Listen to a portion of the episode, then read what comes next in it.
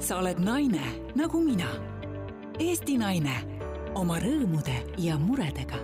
ole oma elu kaanestaar. ajakiri Eesti Naine on sulle sel teekonnal inspireerijaks ning toeks. telli nüüd suurim naiste ajakiri tutvumishinnaga eestinaine.ee kaldkriips kaanestaar. alati sinuga. ajakiri Eesti Naine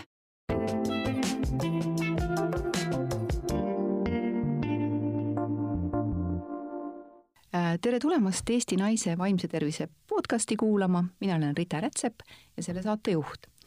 täna on mul külas selline tore kena inimene nagu Helena Väljaste. meil läks, tere Helena! tervist! meil läks päris palju aega, et leida selline ühine võimalus maha istuda. kas sa räägiksid palun meie kuulajatele paari sõnaga, et äh, kes sa oled, mida sa teed ja, ja miks sind oli nii raske kinni püüda? jaa, tõepoolest praegune tempo on, on päris suur olnud peal see sügis. et äh, no tegelen peaasjalikult hetkel oma tööga ja minu töö on ka minu hobi. ilmselt sellepärast on ka seda tööd nii palju minu elus. ja sellepärast oled sa siin, et me räägime täna õnnelik olemisest ja tavaliselt öeldakse, et õnnelik inimene on see, kelle töö on tema hobi. nii et sa oled täiesti õige inimene. jaa, ma kunagi tegin selle otsuse hästi teadlikult, ma sain aru, et ma võin valida kas hirmu ja hirmu pärast asju teha, noh, et tead, et oleks igaks juhuks majanduslikku kindlus või, või mida iganes, või ma teen asju armastusest. sellepärast, et ma hoolin, sellepärast, et ma soovin ja kui ma selle sisemise otsuse tegin, siis hakkasid kõik asjad välismaailmas laabuma. ja ma tegin ka selle otsuse, et nüüd see, mis mul muidu oli nagu hobi korras, et ma tegin muidu oma põhitööd ja siis ma nõustasin inimesi hobi korras ja vaikselt koolitasin, ja ma nüüd teen selle kannapöörde, et nüüd ma siis hakkangi päriselt nõustama ja hakkangi koolitama ja see on väga kenasti vilja kandnud. nii et tänaseks mul on siis oma erapraksis, Meelerahu nimeline, ja ma koolitan, mul on sellised meelisteemad on teadvel olek ehk mindfulness, enesesõbralikkus, motivatsiooni küsimused ja kõik selline, mis kuulub siis sellise vaimse tervise valdkonda ja, ja kuidas olla heas vaimses vormis, et see on see minu nagu huviala. Super. Ja, ja siis ütleme nii, et mu süda tundis, et sina oled sellel teemal äh, väga õige inimene rääkima, et just nimelt äh, täna me arutleksime teemal õnnelik olemine. me kõik tahame olla õnnelikud. tahame tunda ennast õnnelikuna ja tihti me ei tunne ennast õnnelikult ja oleme õnnetud. mis meiega juhtub? miks me tahame ja ei saa? et kas sa oskaksid natukene seda pilti meile lahti tõmmata? sest vaimse tervise seisukohalt me, meil ongi vaimse tervise podcast, et oleks ju väga vajalik, et inimene tunneks ennast hästi. Mis, mis see on, et ei tunne hästi, miks ei ole me tihti õnnelikud? ma arvan, me võime siin peatuda ju nagu päris pikka aega, aga kui mind väga kõnetas see, mida Dalai-laama ütles ja tema ütles nõndaviisi, et kõik me soovime olla õnnelikud, kõik inimesed. ja mitte keegi ei soovi kannatada. et see on selline konstant, mis ühendab meid kõiki, me kõik omal moel vajame seda õnnelikkuse tunnet ja me ajame seda ühel või teisel moel taga, mis siis kellelegi seda õnnetunnet pakub, eks ole ju. ja samas me kõik püüame vältida kannatusi on ju, kes tahab kannatada, ma mõnikord inimeste käest küsin, et tõstke käsi, kes tahab tunda valu, ebamugavust, kannatust, emotsionaalset piina, mitte keegi ei tõsta kätt. noh, võib-olla naljaviluks. tegelikult me seda ei soovi oma ellu. ja ometi see on ju elu osa. Kannatused kuuluvad ka elu juurde, meeldib see meile või ei meeldi. et isegi kui sinul on parasjagu väga hea eluperiood, ilmselt sinu lähedaste seas on inimesi, kes kannatavad, kellel on mingi kriis, mingi valu, mingi raskus ja see puudutab sind, kui sa selle peale mõtled. ja selleks, et ähm, noh, olla õnnelik, mm, ma näen, mida inimesed teevad, on see, et nendel on see idee, et äh, kuidas siis olla õnnelik ja mis peab selleks olema, mis tingimused täidetud. ja siis justkui me oleme kogu aeg teel selle õnne poole. ja kui mina teadvel olekut inimestele õpetan, siis meil on äh, ühe kohtumise ähm, teemaks see, kuidas olla koos ebamugavustega kuidas aktsepteerida seda, mis on. Ehk siis, et, et äh, see, mis juba on su elus, võib-olla on siin mingi krooniline haigus või valu või, või parasjagu lahkuminek või, või tööalased tohutud pinged või stress. et kuidas ma saan ka sellega kohal olla ja sellisel moel, et see ei niida mind jalust, vaid et sa võtad seda kui reaalsust, kui fakti, tõsiasja, see on siin. ja et sa oskad ennast hoida ja toetada selles olukorras et sellest ei ole sageli abi, vaata, kui me hakkame niimoodi äh, seda kõike nagu eemale lükkama endast ja, ja võitlema selle vastu või tohutult mõtisklema sellel teemal ja tegema sellest suurt probleemi. et pigem, kuidas tulla kohale kõige jaoks oma elus, selle hea jaoks, selle neutraalse jaoks, ka meeldiva jaoks. ja teada, et see kõik ju muutub. see kõik liigub, see kõik areneb, see miski ei ole püsiv mm. -hmm. et see on jälle ikkagi see fookus, et olla teadlik, olla siin ja olla teadlik, et sellest, mis praegu toimub ja on, see ongi, see lihtsalt ongi. aga kas mind, mul tuli praegu meelde, kui sa niimoodi, ma kuulasin sind ja, ja, ja kuskil ju mõte liigub kogu aeg kaasa, tuli meelde selline mõttekäik kunagi loetud kuskilt raamatust, et kui sa äh, tahad õnnelikuks saada väga kindlal ettemääratud viisil, siis sinna on juba läbikukkumine sisse kirjutatud. Hmm. Ja ma mõtlen ka kaasa praegu.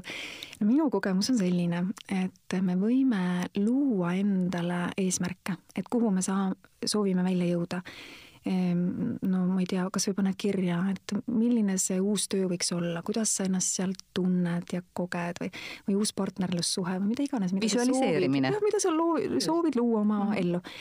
aga siis tuleks sellest teekonnast lahti lasta, et kuidas see juhtub natuke mm -hmm. nagu usaldada ka. et sa tead, kuhu sa liigud, aga et neid teekondi võib olla mitmeid, et võib-olla ei ole see ainult üks ja sama tee, mida mina silmas pean, sest ma oskan minna ainult seda rada pidi, millega ma olen varem kokku puutunud mm. -hmm. ja see loob teatud kits-, kitsendused ja ma ei näe teisi võimalusi, aga võib-olla on teisi võimalusi, palju kiiremaid teid võib-olla sinna, palju lihtsamaid teid.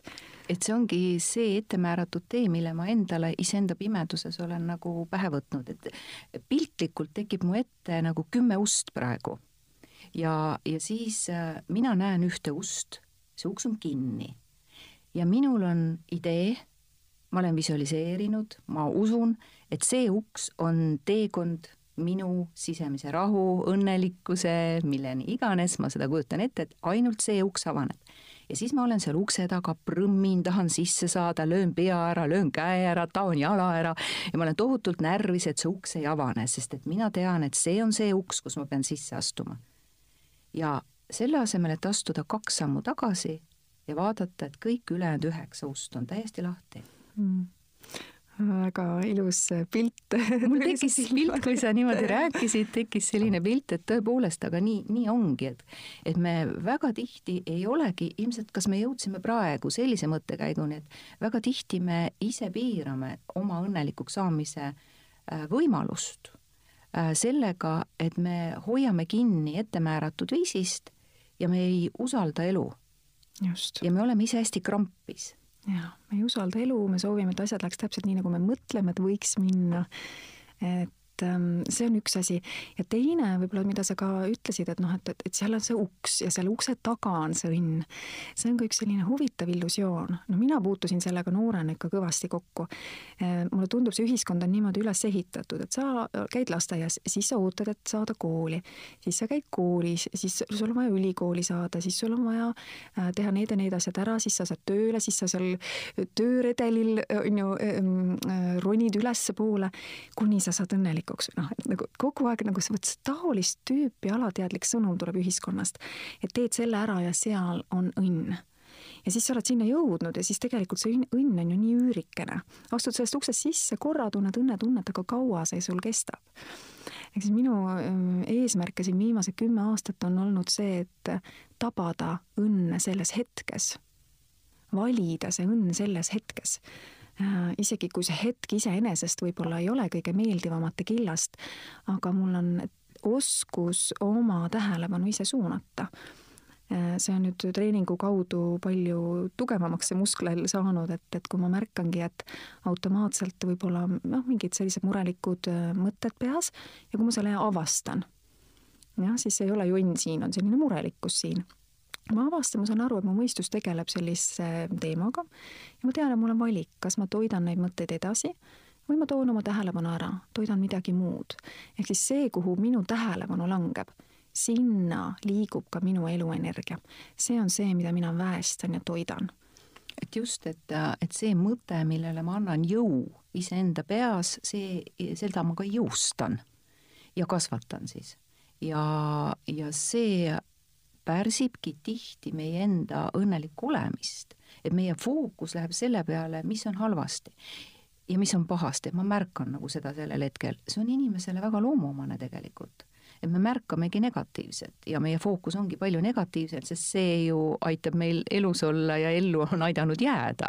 et me märkamegi ohte ja, ja siis, kui me oleme selles mugavas olemises õnnelikud, siis kaob see ohutunne nagu ära ja siis me oleme nagu rünnatavad, et kas, kas meie keha on kogu aeg valmis sellele, et ahah, äkki tuleb kuskilt oht, äkki tuleb, noh, eestlastel on ka vanasõnad, et pill tuleb pika ilu peale ja ära hõiska enne õhtut ja et, et need asjad on ju meil, kas meie kultuuriruumis olemas ainult või see on inimesele loomuomane, et olla valmis ohuks?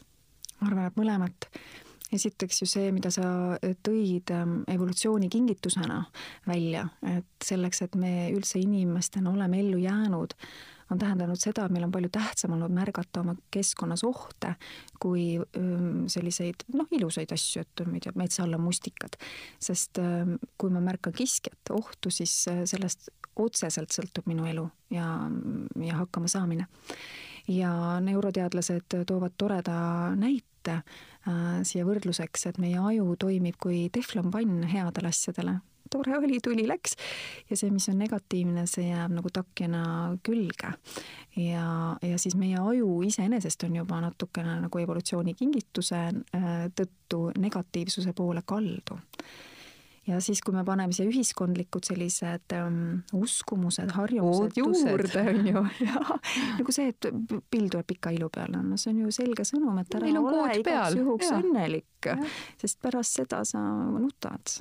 ja, ja kui ma sellesse usun, see uskumus on ka minusse sisse kodeeritud, siis ongi väga keeruline, ma võin isegi süümepiinu tunda, isegi hirmu tunda, õnne tunda ja rõõmu ees. Jah, sest see, selles võtmes on, ega me tuleme ju ikkagi nii-öelda meie, meie vanemad tulevad kuskilt, meie vanavanemad tulevad kuskilt ja me kanname endas ju väga paljugi meie kultuuripärandit ja, ja seda elu, mis on siis selles kultuuriruumis olnud.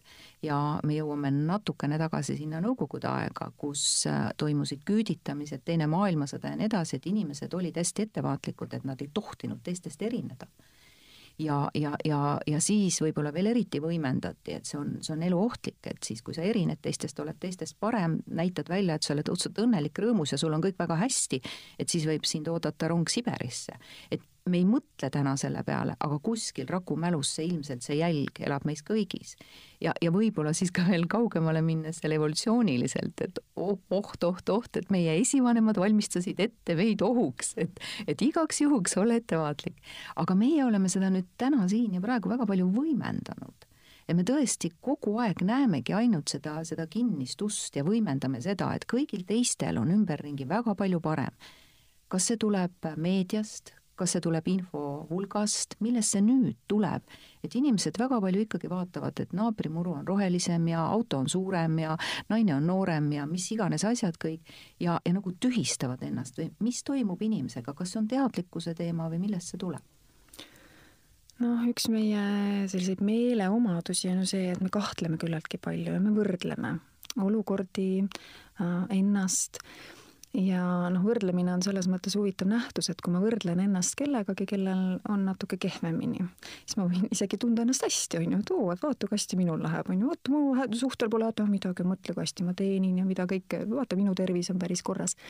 ja kui ma võrdlen ennast kellegagi, kellel läheb minust paremini mõnes valdkonnas, siis on see negatiivne tunne platsis ja et selle see, see lihtsalt juhtub meiega, noh, see on üks selliseid omadusi, seda teeb nagu meie noh, selline automaatsus meie tees teeb seda nagu iseenesest, see juhtub reflektoorselt, me sageli ju ise ei vali neid võrdlevaid mõtteid. aga valdavalt me ikkagi võrdleme ennast sinna teisele poole. ikkagi kellegiga, kellel on parem ja enda kahjuks mm.. ja see on ka üks asi, mis ei aita meil kuidagi tunda ennast hästi. kas see tuleb jälle kuskilt meediast, kust iganes? ja on küll niimoodi jah, et sageli on see niipidi ja ma kuidagi näen, et siin on ka võimalus see positiivseks keerata. Ehk et kui see juhtub, noh, me nagu teeme seda, ma ei, ma ei tea, kust see siis täpselt tuleb, võib-olla see on isegi selline tung areneda, liikuda, täiustuda, parem, paremaks muutuda inimesena, on ju. et siis ma näengi neid võimalusi ümberringi. ja siis, kui ma näen, et siis ma tunnen ennast halvasti, no mis ma selle enese, sellise halva enesetundega teen, no olen sellega, marineerun, tunnengi halvasti, ütlen endale halvasti, mõtlen endast halvasti, olen kriitiline. või siis märkan, oo vaata, näiteks ma olen õppinud, et kadeduse tunne on hästi väärtuslik tunne. see näitab mulle kätte, et vau, et see asi, mille pärast ma kade olen, see on ka mulle millegipärast tähtis. ja ma millegipärast usun, et mina millegipärast ei saa seda asja jah, et seal on mingi selline piirav uskumus taga. et kui sa hoopiski hakata vaatama, et oo, et ma võrdlen ennast teisega, tunnen ennast halvasti, järelikult mingi osa minust soovib sinnapoole liikuda tahab vot seda asja saada, seda kogemust saada.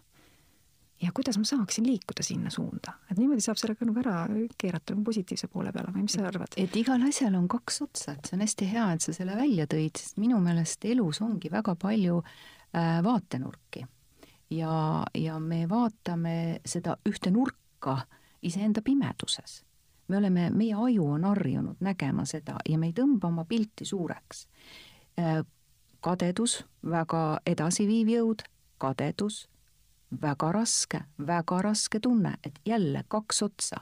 et kuidas ma nüüd ennast häälestan, et ahah, ma teadvustan, et ma tunnen kadedust selle või teise asja suhtes, aga mis pärsib mind nüüd seda saavutamast, väga hea, teen ära, eks ju või vastupidi, et ma istun ja nagu sa ütlesid, marineerun äh, sellesama mõtte otsas, et kõigil teistel on paremini äh,, ilusam äh, elu, kõik muud sellised asjad, et mis sul viga.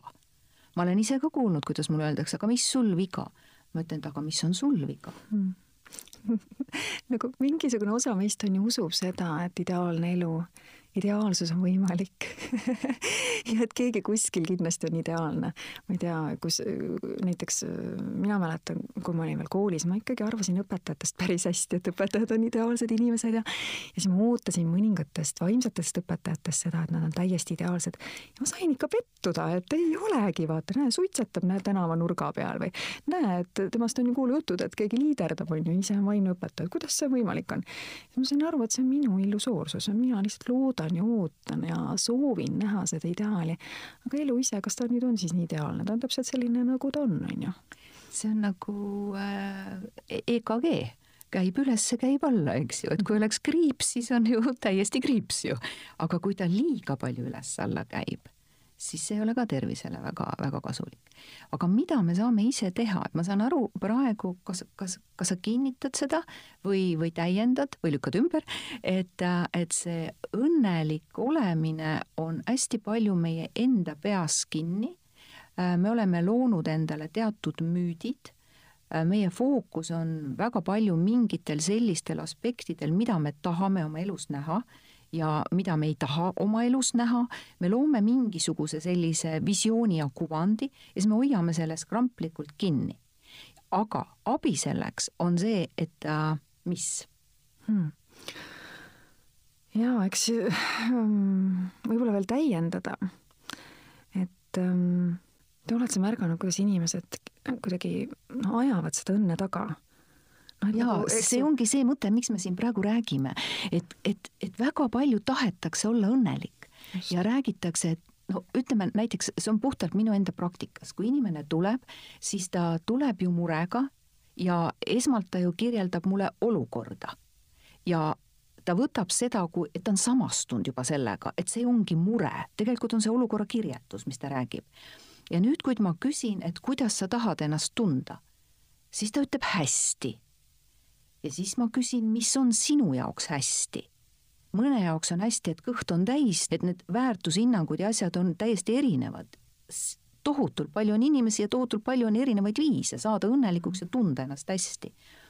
ja väga paljud inimesed ei oska viia fookust sellelt ära, sellelt kirjelduselt, mis tal kõik halvasti on, sellele, kuidas ta tahaks tunda ennast hästi, kuidas ta näiteks sõnastaks mulle selle oma õnnelik olemise ja, ja ta ei suudagi seda fookust nagu viia sinna peale. et mis on nüüd see, mida me saaksime aidata inimesel teha, et ta saaks seda rohkem mm -hmm. enda jaoks ära mõtestada, sest et muidu see on abstraktne tunne ja abstraktne mhm. tunne tekitab lihtsalt ärevust, et mul ei ole, mul ei ole. ja siis ma otsingi kõikvõimalikest ajakirjadest, tuttavatelt, nii edasi, kellel kõik on kogu aeg hästi. seda ju väga palju ka genereerib sotsiaalmeedia võib-olla see üks pilt oligi selle inimese elus ainukene ilus hetk, eks ju, ta pani selle ülesse, aga ma näen neid ju sadasid. ja siis tundubki, et kõigil teistel on ju hästi ja, ja siis äh, ajame seda õnne taga, eks ole, justkui see oleks kuskil kaugemal. Võib-olla isegi kiirustame sinna suunda ja unustame peatuda ja märgata, et, et see võib ka siin olemas olla. ehk siis meil on tingimused õnnele, on ju. see on see, mida sa paistab rääkisid. küll, jah, paistab küll. meil on tingimused õnnelik, õnnele, et siis, kui on nii ja nii asjad, et siis ma olen õnnelik, aga kui vot naa on, et siis, siis, siis see, see ei ole nii, on ju, siis, siis ma ei ole õnnelik. ja kui siia veel üks paralleel tuua, et see oleks umbes niimoodi, et kui ma istuksin jõe kaldal, selline suur lai jõgi ja seal on erinevad paadid ja äh, suuremad laevad ja ma vaatan seda liikumist seal ja on sellised uhked jahid, mis on nagu sellised meeldivad sündmused, on ju. ja siis on äh, sellised täiesti mitte midagi ütlevad paadid, on ju, mis on täitsa neutraalsed asjad meie elus ja siis on sellised, äh, haisvad kärbsetega ümbritsetud sellised nagu prügiveo need alused on ju ja, ja, ja need on siis need ebamugavad ja ebameeldivad asjad meie elus. ja siis mõtle, kui ma nüüd püüaksin sealt kaldalt siis hakata seda kõike niimoodi sebima seal, et, et palun mulle neid jahte ja ma tahaks, et need veel kauem siin püsiksid minu vaateväljas ja ma saaksin neid kinni hoida. ja siis ma tahan, et need kärbsetega laevad, et need nagu kähku-kähku siit minema saaksid. et samamoodi me kuidagi oma eludes mõnikord niimoodi toimime. kuigi see ei ole kuigi tulemuslik, eks ole ju. ja ja kui, kui meil on see soov, et, et see õnn tuleb noh, mingi tingimuse najal, äh, siis kui see tingimus on täidetud, siis ta ilmselt mingi hetk tuleb ja ongi hea olla, aga see möödub. ehk siis mina mm, teen siin suurt vahet, et üks on selline emotsionaalne õnn, mida me võime kõik aeg-ajalt tunda, kõik me tunneme mõnikord õnnetunnet, isegi sellest, kui on imeilus ilm, on ju, et jumala mõnus on, ilus ilm. Või keegi naeratab, sa tunned ennast õnnelikult. Või on sul rahulolu sinu kogemuses. ja teine õnn on midagi püsivamat ja see on seotud sellise meeleseisundiga, kus ma oskan olla kõigega, mis on ja valida, kuhu ma oma tähelepanu suunan. millele, mida ma toidan, ähm, millele ma oma energiat annan. ja vot see meeleseisundi pool, see on nüüd treenitav. Äh, nüüd, kui aju uuritakse siis ma olen äh, vaadanud, uurinud mõnda uurimust, kus on selliseid väga kaua vaimseid tehnikaid praktiseerinud inimesi uuritud, nagu aju äh, tehtud. ja kolmkümmend aastat võib-olla ähm, sellise meditatiivse praktikaga tegelenud munkasid on uuritud ja võrreldud teiste inimestega ja nende aju on hoopis teistsugune ja nende aju on lihtsalt niivõrd palju õnnelikum. et nendel ongi näha, et need ajuosad, mis on seotud positiivse emotsioonidega, need on palju aktiivsemad kui tavainimesel. ehk see näitab, et selline sisemine vaimne fitness, et see toob häid ja konkreetseid ja ka püsivaid tagajärgi aga meie ühiskonnas me alles nüüd hakkame sellest vaikselt rääkima. et senimaani olid need jutud, et kui tähtis on hambaid pesta, kui tähtis on süüa tervislikult, kui tähtis on teha, noh, liikuda, on ju. ja see on tõesti tähtis, aga nüüd lõpuks ometi me pöörame rohkem tähelepanu vaimsele tervisele tänu ka sellele saatele siin, eks ju, vaimne tervis, et see on väga tähtis, keha ja vaim teevad koostööd nii üks-ühele et, et me sellest täna räägime ja et meil on vaja päriselt selliseid toimivaid vahendeid, oskuseid, et oma emotsioonidega toime tulla, et oma mõtetega toime tulla, neid juhtida, et oma tähelepanu juhtida, sest täna on meil nii palju ärevust, depressiooni ja igasugu muid vaimse tervise häireid. et see on märk sellest, et meil on vaja seda õpetust ja kohe. et terves kehas ei ole alati terve vaim ja, ja võib-olla tervel vaimul ei ole alati ka, haigel vaimul ei ole ka alati nagu terve keha, on ju. jah, jah, just, just, et et ma millegipärast äh, praegu jälle, eks ju, mõte liigub kogu aeg ju kaasa ja, ja, ja jälgida oma mõtet ja ma ikka jõuan kuidagi täna millegipärast järjest rohkem sellesse aega, kust me tuleme, et kõikvõimalikud totalitaarsed režiimid ja meie tuleme ikkagi Nõukogude ajast, totalitaarsed režiimid äh, ei toeta kuidagi inimese individuaalset arengut sest mõtlev inimene ei ole sellele režiimile väga nii-öelda kasulik, kasulik, just nimelt. et mida, mida rohkem inimene iseendaga kontaktis ei ole, seda paremini saab teda juhtida, manipuleerida, suunata sinna suunda, kus ma tahan, ta seda lihtsalt ei mõtle. olles ise nõukogudeaegne inimene, siis ma kus see mõte tuli, oli see, et, et meelerahupraktikad, et mina tegin seitsmekümnendatel juba joogat. Äh, need on üksikud inimesed ja mina olin laps sellel ajal, kes, kes julgesid seda teha ja see toimus kõik põranda all, et minu esimene selline päris joogaõpetaja äh, Enn Loo andis välja raamatu Tervise abc nime alt. et noh, seal olid võimlemisharjutused, no tegelikult oli tegemist äh, joogaharjutustega, eks, et, et sa ei tohtinud seda teha. ja, ja samamoodi, kui me võtame psühholoogia, et käitumiskognitiivne, väga hästi hallatav psühholoogia alu, aga aga ei mingisugust äh, analüütilist, jumala pärast mitte, äkki inimene hakkab ise mõtlema, eks ju. või jatsmuusika. et, et hakkavad improviseerima. et nüüd me hakkamegi vaikselt võib-olla põlvkond põlvkonna kaupa tulema sellest välja ja võtma vastutust iseenda eest, sest et siiamaani on vastutuse võtnud keegi teine. kas režiim, ülemus ja me ootamegi seda väljaspoolt et kas me jõuame natukene võib-olla selleni välja, et kust me tuleme et kas see võiks olla üks, üks mõjutaja olnud või on inimesel loomult üldse mugav, et noh, keegi ütleb, kuidas peaks olema ja, ja kuidas tegema. no eks see on tüübiti ka erinev muidugi, aga, aga kui raske on iseenesest, ongi raske võtta vastu otsus ja teha ise midagi. mulle nii mõnigi klient ütleb, et kuule, ole hea, anna mulle manuaal kaasa et me oleme seda nii-öelda tabletiusku aga pigem see vaimne tervis tuleb sellest, et me ennetame. jah, ennetus on igatpidi tõhusam kui ravi, on ju ehm,.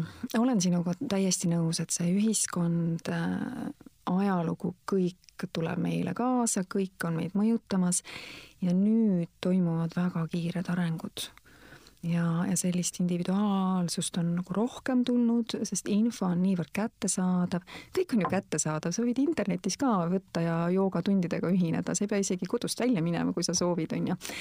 et, et võimalusi on ja inimesed, kes nendega tegelevad, nad räägivad oma kogemustest, innustavad tegelikult positiivsete tulemuste kaudu ka lähikondlasi.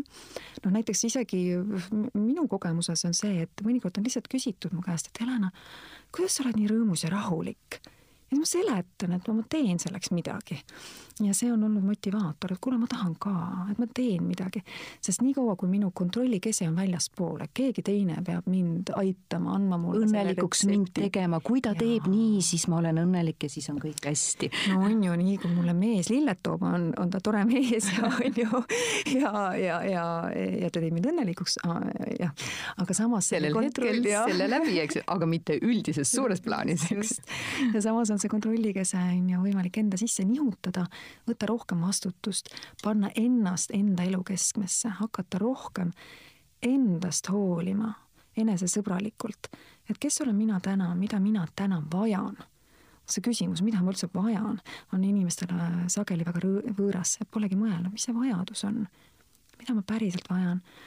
kuidas seda rahuldada, mida mina saan selle jaoks ära teha? Et, et võtta need ohjad enda kätte, et see on nii tähtis. siit saavad suured muutused alguse, sest no on see ilus ütlus, et, et kui sa tahad maailma muuta, et alusta iseendast. jah, kui lihtne on nii öelda, eks, et ma, ma olen kohanud ka sellist lauset peale oma koolitusi, kus keegi tuleb ja ütleb jälle ja see on korduv, ikka ma pean kõik ise ära tegema noh, mõnes mõttes huumoriga öeldud, eks, aga, aga jälle me jõuame sinna välja, et otsus on minu sees, vastutus on minu enda sees. mida mina praegu tunnen ja kuidas mina tahan ennast tunda ja mida saan mina selleks teha, et niimoodi tunda. ja mõnikord on seda äh, vastutust raske võtta, sest see tõdemuse hetk võib olla valus, et oi, kui palju aastaid ma olen raisanud ja mida ma olen tegemata jätnud, vaata see leinatunne, et mõned kardavad seda aga kui see korra läbi elada, siis tegelikult sa saad liikuda suurema eneseteostuse suunas ja endaga nagu kooskõlalisema elu elamise suunas. ma näen, siin on üks väga tähtis komponent veel, on ausus. et olla hästi aus ja eeskätt iseenda vastu. aga see on nii hirmutav mm., väga paljude jaoks on hirm baasiline, eks ju, tunne hirm on seal taga, et parem käiakse nagu kass ümber palava pudru selle asemel, et minna sealt pudrust läbi ja need käpad saada kõrvetada. ei, ei, ei, kui ei näe, ei ole. ja siis me elame pimeduses. jah, just, ja, ja need on need vaatenurgad, et laiendada neid vaatenurki, me, me erinevaid võimalusi, kõike me avardame oma elu, aga me iseenda pimeduses tahame ainult seda näha, mida me näha tahame ja siis me võimendame seda ja siis me oleme ise sealjuures õnnetud ja tead, mina oma praktikas kogen seda, võib-olla sina ka, et kui tulevad nõustamisse kliendid, et äh, üha rohkem ma kohtan kliente, kes ütlevad, et tead, tegelikult on kõik hästi. ma, ma tulin siia, et oleks veel parem. kui tore. kui tore, siis ma võtan ohjad enda kätte, et siis ma juhin seda, seda hobuvankrit kas tee peal või kraavi mm. -hmm aga mitte, et ta lihtsalt ise läheb kraavi. just nimelt. ahaa, see on küll hea tõdemus, et seda võiks täiesti nii-öelda paluda kuulajatel nii-öelda kõrva taha panna, et ma võtan ise vastutuse ja ja, ja siis ma hakkangi, minu fookus läheb kogu aeg selle peale, mis on parem, mis on parem. ja, ja siis ma tahan seda veel ja veel. ja ma unustangi ära, et ahah, kuigi vahetevahel tuleb kukkuda. Ja vahetevahel peabki nagu äh, nii-öelda kehva olema. et siis ma saan ju teada ja võrrelda. Hmm. inimene tahab ju võrrelda, nagu me rääkisime. et kui on kogu aeg hüperhästi, hüperhästi, siis noh, see vist ei ole ka päris jätkusuutlik. no mulle tundub, see ei ole nagu päris elu. vist ei ole päris elu, jah. et, et nii nagu meil on aastaajad vahelduvad, on ju, nii nagu öö ja päev vaheldub, nii on ka need natuke kergemad, natuke raskemad ajad ja meil on kõigil eludes omad kannatused, omad rõõmud. selline ütlus, et on ka, et kümme tuhat rõõmu, kümme tuhat kurbust kõik, mida me võime inimestena kogeda. ja see on inimlik. ja, ja mulle väga meeldib see, et nüüd üha rohkem räägitakse näiteks, kuidas iga emotsioon on okei okay tunda. häbi, kurjus, süütunne, kurbus, ärevus, need on inimlikud, need on täiesti normaalsed emotsioonid. ja kui ma luban neid tunda ja ei tee endal nend-, nagu nendest probleemi, siis need ei olegi probleem mu jaoks. Need on lihtsalt ühed emotsioonid, mitte mina ise, tihti me samastame ennast oma emotsioonide ja oma tunnetega, aga mina ei ole, mina lihtsalt olen inimene, kes tunneb neid. vahetevahel nii, vahetevahel naa. et see on jälle võib-olla selle praeguse aja ja uuema aja märk, väikesed lapsed juba oskavad paremini rääkida oma tunnetest, on väga palju raamatuid selleks, mis arendavad neil seda, et uued põlvkonnad kasvavad teadlikumalt peale samas on ka väga palju mõjutajaid teisipidi, eks ju, ümbertringi, et, et kas või needsamad ühiskondlikud ootused ja ja, ja väga palju informatsiooni ja, ja vanemate vähene tähelepanu ja vähe aega lastele, et lapsed ei saa endaga kontakti ja nii edasi, et eks igal asjal jälle kaks otsa. aga meie eesmärk on ju teha need noored inimesed tugevamaks, endast teadlikumaks ja kõik tunded ja emotsioonid ongi okei okay.. see tähendab seda, et ma pean neid teiste peal muidugi välja elama, eks ju, või alla suruma, mida me oleme siiamaani väga palju teinud. ja see tekitabki sisemist ärevust ja kui meie aju on harjunud, eks ju, ärevusega, siis me märkamegi neid asju, me tõmbamegi neid ligi.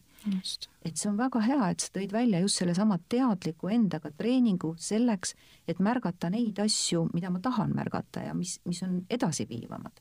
see, et vahetevahel kukkume, see on okei okay., kriisid on ju puhas areng muidugi, ja see, mida ma kogen, on kogemus ja see ei ole mina, on ju, et mina ei ole see emotsioon, et see, et ma kogen ärevust, ei tähenda, et ma olen ärev inimene. või teine dimensioon siinsamas on kõrval ka mõtted, on ju, ja me oleme nii sageli samastunud ka oma mõtetega. noh, näiteks kui ma mõtlen, et, et ma olen üks igavene saamatu inimene ja ma usun seda sellel hetkel, no on ju kehva olla. või isegi pikemas perspektiivis olen uskunud. jah muudkui kasvatan. jah, ja muudkui kasvatan, eks ole. ja, ja, ja, ja, ja loongi seda reaalsust, sest ma arvan, et ma olen saamatu, usun seda ja siis ma näengi seda ümberringi. ma loongi seda reaalsust. ja, ja nüüd on rohkem infot ka selle kohta, et, et kuidas vaadelda oma mõtteid kui mõtteid, mitte kui fakte või tõsiasju, vaid midagi, mida mõistus toodab et kui suu toodab sülge, siis mõistus toodab mõtteid, see on tema töö ja need tõtte, mõtted ei ole alati tõesed ja meil on igasuguseid mõtteid, vaata, üks hommik vaatan peeglisse, mõtlen, oh, päris tore, kena tüdruk siin on ju. teine hommik vaatan, oi kui palju kortse ja mis siin on toimumas, eks. Need on ka enesekohased mõtted, aga kas see olen mina ise? Need on ju ainult mõtted minu kohta et eh, kumb see siis tõesem on, on ju, need on lihtsalt mõtted. et õppida ka siin erisust tegema ja olla mitte oma emotsioonid ja oma mõtted, vaid olla see teadlikkus nende taga. ja see teadlikkus kingib nii suure vabaduse ja selle kaudu õnnetunde. kas sa võiksid äkki meie kuulajatele, noh, ütleme, et selliseid asju ju räägitakse ja nii edasi ja ja, ja nüüd võib tekkida inimesel äkki selline tunne, et ja-jah, ma olen seda kõike kuulnud, sest noh, iga uus on lihtsalt hästi unustatud vana e,. aga midagi praktilist, mida tema saaks, vot nüüd mina otsustan, et mina tunnen ennast nii ja ma tegelikult tahan tunda ennast naa ja mida nüüd mina siin praegu kõrvaklapid peas või, või, või mis iganes olukorras keegi meid praegu kuulab, mida ma teha saan, mida mina saan teha? kui ma tahan võtta selle otsuse nüüd vastu, okei okay,, võtsin otsuse vastu, tahan tunda ennast. ilus jutt, tüdrukud, mis te seal praegu räägite mulle, aga öelge, mis ma tegema pean äh,. millest peaks inimene alustama hmm.? Esimene samm on tulla oma tähelepanuga sellesse hetke kohale. et märgata. üldse märgata, mis selles hetkes toimub ja selles hetkes on palju asju, mida märgata, su ümbrus ja kõik, mida sa koged, siin on mõtteid, emotsioone. aga see on baas, alles siis, kui sa märkad, saad sa üldse midagi muuta, on ju. muidu mida sa märgata, et sa tahaks midagi muuta. ma märkan, et mul on praegu ebamugav, nii tekkis praegu mõte, et ai, ma tahan ikka õnnelikum olla, nii nagu te seal kahekesi mm -hmm. räägite mulle praegu siin kõrva, et te olete täitsa rahul oma eluga, et te olete selleks ka midagi teinud, selge. Mhm. jagage mulle, mis teie tegite, ma tahaks ka selline rõõmus olla. just täpselt ja siis sa võib-olla avastad, et mis on siin minu ja selle õnnetunde vahel hetkel. võib-olla avastad, et on mingi muu emotsioon, tavaliselt pigem sellise negatiivse tooniga emotsioon. ja nüüd, mida sa teed sellega? Äh, üks väike nipp on see, et, et lihtsalt anna sellele nimetus nimeta pane silt külge. on see kurbus, on see, on see mingi selline ma ei tea, süütunne praegu või mis iganes see on, on ju, tühjuse tunne ja juba, kui sa selle sildi paned, selle nimetuse annad, siis sa eh, juba oled sellega distantsi loonud, sa ei ole enam see. sa tead, et see on üks tunne, mida sa hetkel lihtsalt koged, see on mööduv nähtus. ja teine asi, mida selle emotsiooniga teha, kui ta on selline raskemat sorti, noh, ei ole nii meeldiv, mida sa tahad hullult hoida, on ju, et siis äh, vaata, kas sa saad sellele jah öelda. kas see võib olla sinu kogemuses siin ja praegu teha sellele ruumi. jah, ma olen praegu vihane, jah, ma olen praegu kurb kas ja. nii? tead, mina küsin enda käest seda küsimust, et kas ma võin seda tunda praegu kas see võib siin olla või siis ka küsimust, et kas ma võin sellele ruumi teha, ehk siis ruumi teha oma kehas ja ma tunnen, et see mahub minu sisse ära, see tunne. ja see on ülivõimas, väikene sisemine tegemine, keegi teine aru isegi ei saa sellest, et ma seda teen. ja juba, kui ma sellele emotsioonile ruumi loon, annan sellele võimaluse nagu ollagi päriselt siin, ma kohe automaatselt ei tõrju seda eemale. aga kas ma ei kasvata seda hoopis? vastupidi, see on huvitav nüanss, et nii kui ma, see, mille vastu ma võitlen sisemaailmas, see jääb kindlalt püsima. võitlus sünnitab võitlust. täpselt, ta hakkab vastu võitlema. Mhm. -huh. niipea, kui ma loon siia aktsepteeriva äh, ruumi, et see võib siin olla, sest ta niikuinii juba on. juba on, mis asja, ma taon oma pead vastu seina ja ütlen, et ära ole, onju. Mhm. vaid ütlen, okei okay,, sa võid olla siin. siis natukese aja pärast sa juba märkad, see muutub, see liigub, see muutub millekski muuks ja see on täiesti imeline, ehk siis võib küsida enda käest kahte küsimust, mis on siin praegu jah, nimetad ära ja küsid, kas see võib siin olla, kas ma võin sellele ruumi teha. ja sa võid ka vaikselt isegi endamisi öelda jah, ma võin ennast niimoodi tunda. praegu jälle, kui sa räägid, minul tekivad ju pildid, eks mm. -hmm. minul tekib selline pilt, et äh, keegi prõmmib mul ukse taga. ja prõmmib ja prõmmib ja ma teen näo, et teda ei ole seal. aga ärevus minu sees kasvab, kes ta on ja mis ta tahab. mingi tüüp on seal ukse taga. ja siis ma teen ukse lahti ja küsin, kes sa oled mm.? tere, mina olen sinu viha. aa, tule sisse, räägi, kust sa tulid, mis sa tahad? täpselt. Et inimeseks olemine on justkui külaliste maja, iga hetk on keegi sul seal ukse taga prõmmimas, onju. ja mis sa siis teed, onju. et kui sa julged, äh, lased sisse, vaatad korra, pakud teed, istud koos ja ta läheb minema, sest sa oled külaliste maja, ta ei jää püsivalt sinna elama. see on kindel. ja nii sellisel moel ma ei ignoreeri oma tundeid, ma ei lükka neid alla, ma ei ela neid ka automaatselt välja, vaid ma loon nendele ruumi selleks, et nad saaksid ära lahustuda selle ruumi sees nad lahustuvad, no nii nagu ütleme, kui soola panna väikese tassi sisse, see on päris soolane kraam, on ju, kui sa peaksid jooma seda. aga kui sa viskad sedasama kogust soola järve, jood seda järve vett, siis see on täitsa okei okay, joodav. nii on see ka, kui ma sisemiselt ruumi teen sellele oma kogemusele, nii ma ei kannata enam nii palju ja teine asi on ka mõtetega sarnaselt, et sa võid lihtsalt vaadata, et oh, millised mõtted on siin. üks väike nipp on anda ka koondnimetus nendele, ahah, muremõtted muremõtted on siin või enesekriitilised mõtted. ja saad aru, et need on ainult mõtted. Need tulevad ja lähevad, need ei ole sina ise, sa saad neid vaadelda, vaata kui huvitav, sa saad teadlikuks saada oma mõtetest. oi huvitav, kust ta tuli? aga tegelikult. aga mis ma temaga teen? oi, kust ta tuli, hakkan võimendama, kust ta tuli, miks ta tuli, ärevus kasvab no, aga mis ma teha saan? on siis mõtet seda teha või Pole just jätkusuutlik. me teeme seda sageli automaatselt, sellel ei ole mõtet, ei ole mõtet nii väga seal surkida, et kust ta tuli ja kuidas ta nüüd ära läheb. Ehm, see, miks täna teadvusolek või mindfulness on hästi revolutsiooniliselt nagu jõudnud väga suurtesse massidesse, on see, et ta tõesti toimib ja siin ongi need pisikesed nüansid, näiteks see mõtetega toimetulek. ma ei pea neid vaidlustama, ma ei pea nende üle mõtlema, kust nad tulid, mis nad teevad, vaid ma lihtsalt astun nagu sammu tagasi ja vaatan, ah, see on lihtsalt üks mõte. ma olen vaatleja. ma olen vaatleja. mina olen vaatleja, ma ei ole see mõte. ja see mõte tuleb ja see läheb, nii nagu helid tulevad ja lähevad. ja ma saan seda vaadata pealt ja ma võin isegi natuke olla imestunud natuke võib-olla natukene naerda nende üle ja oma mõistuse ja mõtete suhtes ei tasu olla vaenulik ja kuri, et pigem äh, tänada oma mõistust, töökat mõistust, et ta teeb kõik, et sa jääksid ellu. öösel mõtle mõtteid siis, kui sina tahad magada. et siis äh, üks väike tehnika on ka lihtsalt öelda suur tänu, aitäh mõistus, et sa oled nii töökas, sa hoolid, on ju minu eest, et, et. Ähm, et viia fookus selle peale, mitte, et ta häirib mind ja, ja segab mind, vaid vastupidi, ta tuli mulle midagi ütlema. et kui see viha mul seal ukse taga niimoodi prõmmib, siis ta on seal jube kurb. saa sellega sõbraks. nii noh, isegi natukene, võib-olla no, mõnda asja on raske on ju tolereerida, aga, aga sõbraks saamise kaudu need asjad lahenevad. sõbralikkus viib edasi, selline vaenulikkus ja võitlemine, see ainult toodab seda kõike juurde, sisemist probleemi ja kui, no sa küsisid veel, et no mida saab siis nagu ära teha inimene, on ju, siis ähm, ma olen juba selle metafoori toonud, aga et see, kuhu ma oma tähelepanu suunan, sinna liigub minu eluenergia, seda ma väestan ja toidan. nii et ta saab ka teha väikeseid praktikaid selleks, et märgata rohkem seda, mis on juba hästi meie eludes.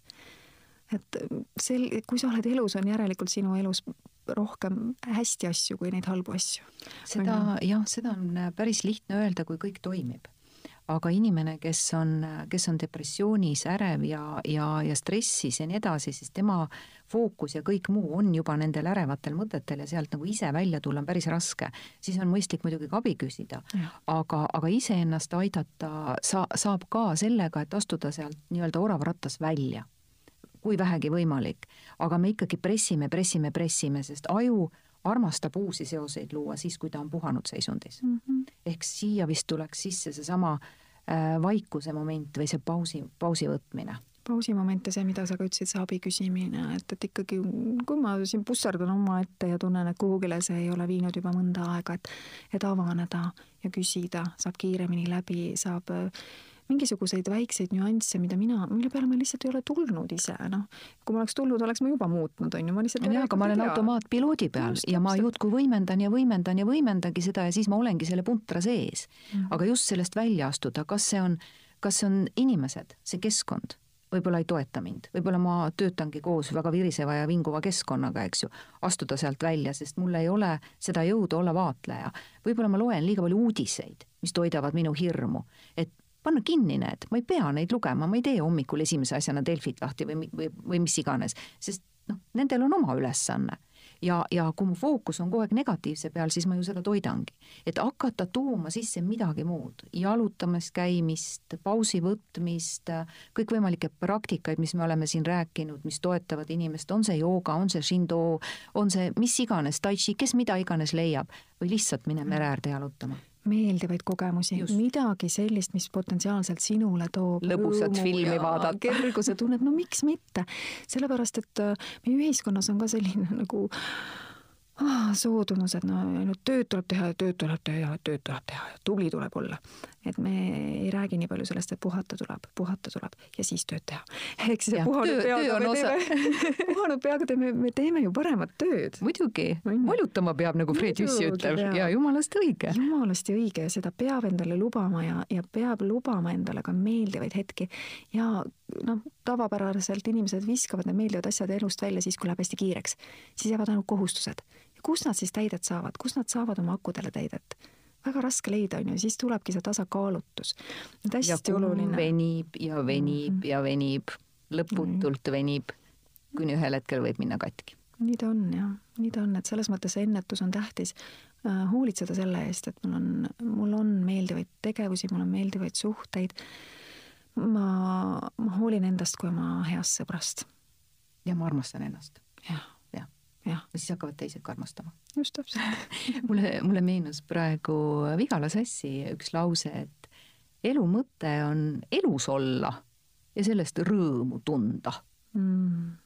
ja sealt läks veel edasi muidugi, et kedagi teist kahjustamata ja, ja kõik muu, aga, aga tuua see esimene pool sellest lausest välja mulle millegipärast tundub, et me oleme peaaegu et õnnevalemi andnud et oleme elus ja tunneme rõõmu või? ja, ja, ja, ja sinna juurde veel mõned, mõned väiksed nipid, et eks elu hakkabki väikestest asjadest peale, et et ei ole mõtet kümmet asja nüüd proovima hakata, et, et kirjutada siit välja kümme asja ja kõike korraga proovida, et siis me ei tea, mis töötab.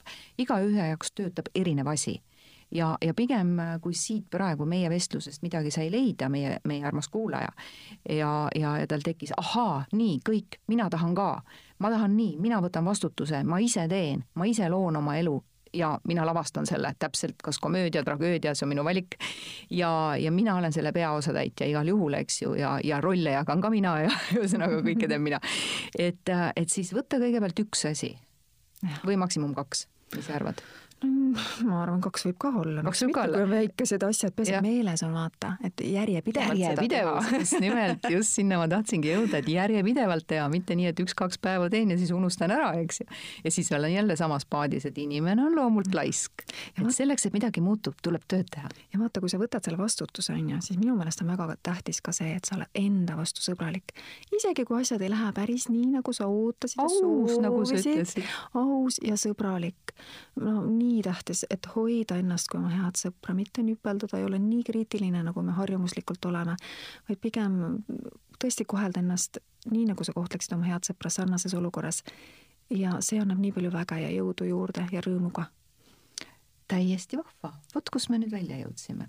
ma väga loodan, et meie kuulajad tõesti said siit midagi ja nüüd teevad midagi ja läbi selle, et üks inimene on õnnelik, on teised inimesed tema kõrval õnnelikumad ja niimoodi me loome täiesti õnneliku Eestimaa. jah, sest ja maailma ka. vaata, me võime olla õnnelikud. lubame ja, olla. ja me võime mõelda nii, et see inspireerib ja aitab ka teisi mitte ei tekita üldse... kadedust, on ju. ei, kadedus oli ka edasiviiv, eks ju. ma tahan ka, ma tahan ka, mitte nii, oh, ma tahaks ka, aga ei saa, eks ju. meil kõigil on võluvits mm. super, aitäh kõiki meid kuulamast, aitäh Helen, et sa tulid. hästi inspireeriv oli sinuga rääkida siin väga,, väga-väga vahva ja meie toimetame oma toimetamisi edasi. ja, ja soovime kõikidele meie armsatele kuulajatele toimetamisi, mõnusaid toimetamisi, armastame endid aitäh ja mulle tundub, et meie näod on küll praegu veel rohkem naerul kui enne. jaa, meie, me saame impulsi aiu kogu aeg, suunurgad on üleval ja aju saab impulsi, kui hästi kõik on, eks, et et lükka kasvõi sõrmedega mõnikord see üles, eks ju, tunned, et vajusid alla, lükka üles. ja juba mõjub, naeratagem. täpselt, teeme nii, aitäh sulle. aitäh kõikidele kuulajatele, ilusat olemist. thank you